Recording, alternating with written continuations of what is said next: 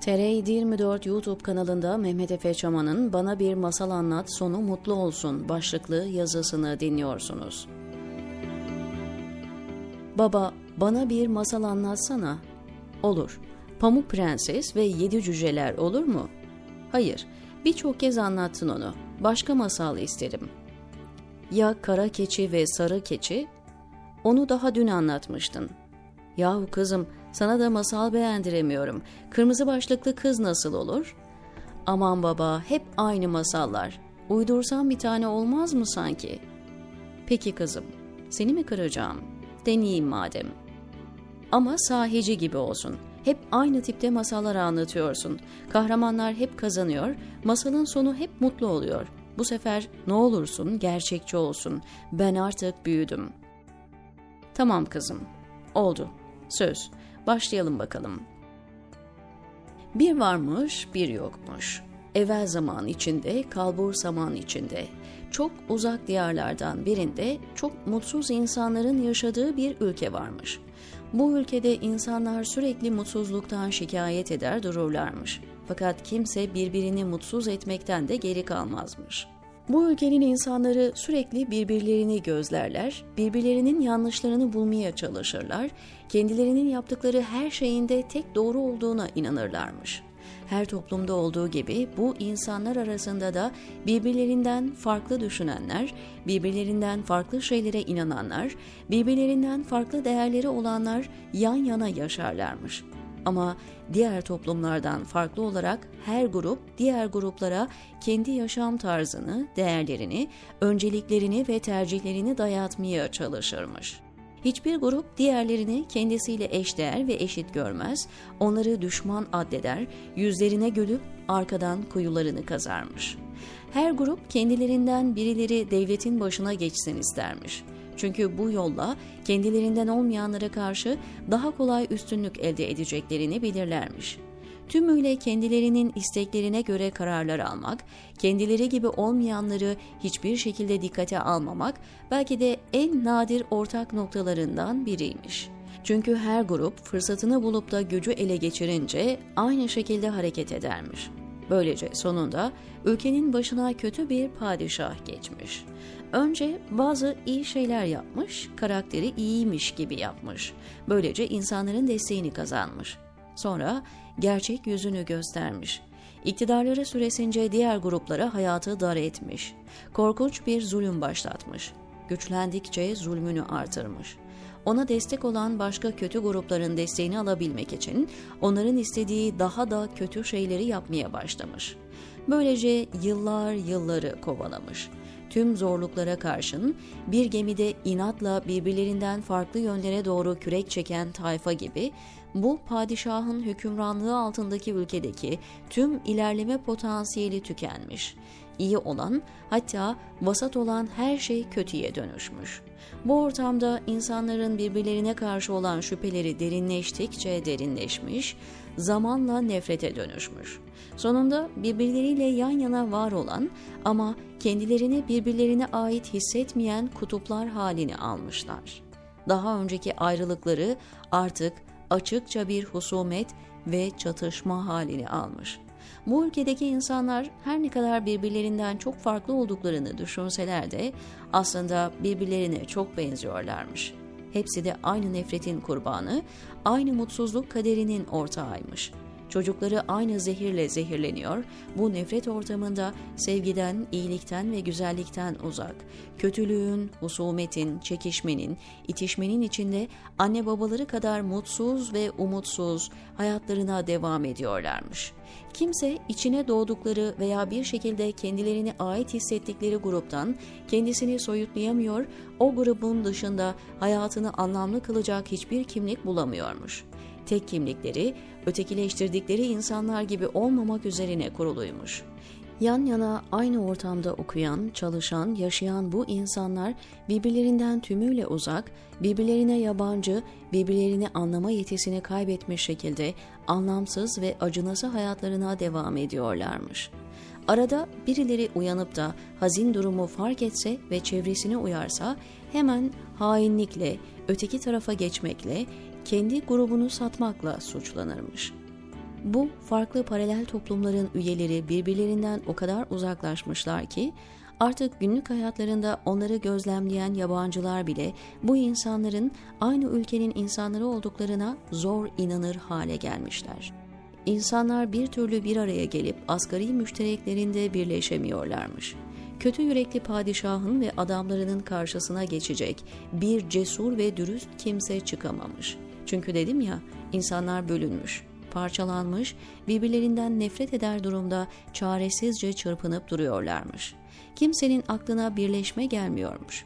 Partizanlık, tarafgirlik, öznellik, kabilecilik gibi aklınıza gelebilecek her türlü bölünme gerekçesi bu ülkede geçer akçeymiş. Bu ortamda sağlıklı, liyakate dayalı, herkese eşit koşullar sunan rekabetçi bir eğitim sistemi, tarafsız bir bürokrasi, kapsayıcı bir devlet, rasyonel işleyen bir ekonomi oluşamamış. Tüm olanaklar, kaynaklar, devletteki kadrolar, iş imkanları kabile aidiyetleri üzerinden sahiplerini bulurmuş. Korkunç bir kötü yönetim bir virüs gibi tüm ülkeyi istila etmiş ve işleyen tüm kurumları zamanla felce uğratmış.'' Yine de iktidar sahipleri ellerindeki politik gücü kullanarak kendilerinden gördükleri insanlara kol kanat geriyor, ülkenin azalmakta olan kaynaklarını bu yakın çevrelerine ve tabanlarına dağıtarak iktidarda kalmaya devam etmeyi umuyorlarmış. Dahası kendileri için tehlikeli gördükleri diğer grupları takibata alabilmek için onların terörist ve kriminal olduklarını ileri sürerek kontrolleri altındaki bürokrasiyi mahkemeleri, polisi ve diğer devlet kurumlarını kullanarak hasımlarını ve ötekileştirdiklerini devletin ve toplumun dışına itiyor, kendilerine onlarsız bir alan açıyorlarmış. Bu distopyada kendilerinden olmayan o milyonlarca insan etnik kökenlerinden ve kültüründen dolayı dışlanmış. Hem de son 100 yıl içinde dillerini konuşmamak, çocuklarına kendi isimlerini vermemek, diğerlerinin milletine ait olduklarını söylemek gibi koşullarla varlıklarını garanti altına almışlar ama yine de kim olduklarını unutmayanları ve kimliklerinde ısrarcı olanları büyük ayrımcılık yaşamış, acılar çekmiş. Sayıları milyonları bulan başka bir gruptan insanlarsa kendilerini tanımladıkları dini, sosyal bir grup aidiyeti üzerinden bir takım bahanelerle dışlanmış, kitleler halinde işleri, mülkleri, maddi imkanları, kurumları ellerinden alınmış. Aralarından bazılarının işledikleri iddia edilen suçlar yüzünden kitlesel olarak kriminalize edilmiş, hapse tıkılmış, işlerinden atılmış.'' Bunlar gibi birçok başka grup bu toplumun son 100 yıllık tarihinde benzer felaketlere uğramış. Ancak gerçek şu ki kimse kendilerinden olmayan bu insanların dertlerini dert etmemiş. Başını öte yana dönerek hayatlarına devam etmeyi seçmişler. Milyonlarca insan sadece başka bir dil konuştuğu veya başka bir dine inandığı için topluca sürülmüş, soykırıma uğramış, yollarda ölmüş, öldürülmüş daha şanslı olan milyonlarcası kaçmayı başarmış ve ülkelerine bir daha asla geri dönememiş. Bu ülkede nasıl ki daha önce zulme uğrayanlarla kimse ilgilenmediyse, şimdi zulmün kurbanı olanlarla da kimse ilgilenmemiş. Zulme uğrayanlara sırtını dönmekte belli ki bu ülkedeki insanların diğer bir ortak özelliğiymiş.'' Bu mutsuzluklar, umutsuzluklar, zulümler, ölümler hiçbir şey bu ülkedeki insanları uyandıramıyormuş. Onları birleştiremiyormuş. Onları aslında birbirlerinin kardeşi olduğuna ikna edemiyormuş. Bu fesat ve tükenmeyen fetret atmosferinde başa geçen kimse aynı düzeni devam ettiriyormuş. Ama baba bu çok üzücü. Peki sonra? Sonra ne olmuş? Sonrası bu kızım. Masalın sonu yok. Çünkü bu masaldaki insanlar daha masalın sonunda neler olacağına karar vermemişler.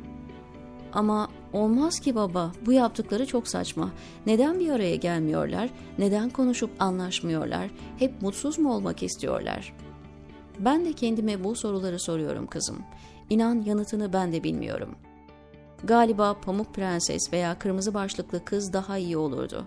O masallarda ya kötü cadı ya da kötü kurt kaybediyor. İyiler kimse onlar kazanıyor.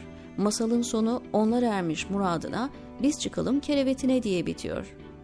Biliyorum kızım ama sen benden gerçekçi masal istemiştin, unuttun mu? Evet ama bu çok umutsuz, çok üzücü. Ne olur beni üzme. Ümit dolu anlat, sonu iyi bitsin, herkes mutlu olsun. Onlar da muradına ersin, biz de kerevetine çıkalım.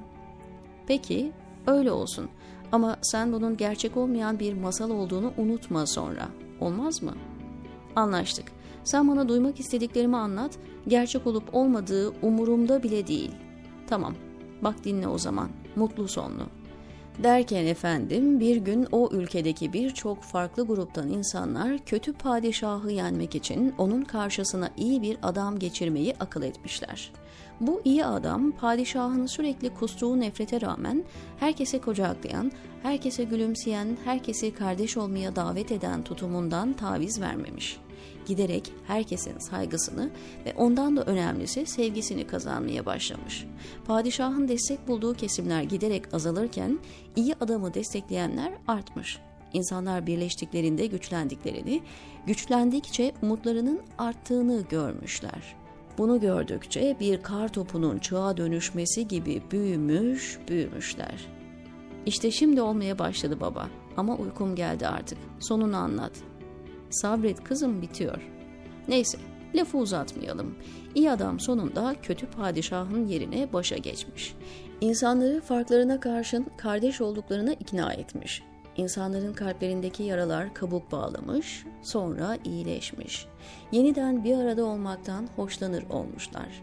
Birbirlerine şüpheyle ve nefretle yaklaşmanın esas mutsuzluk kaynağı olduğunu, kötülerin de bundan beslendiğini anlamışlar. İyi adam uzun süre ülkenin başında kalmış.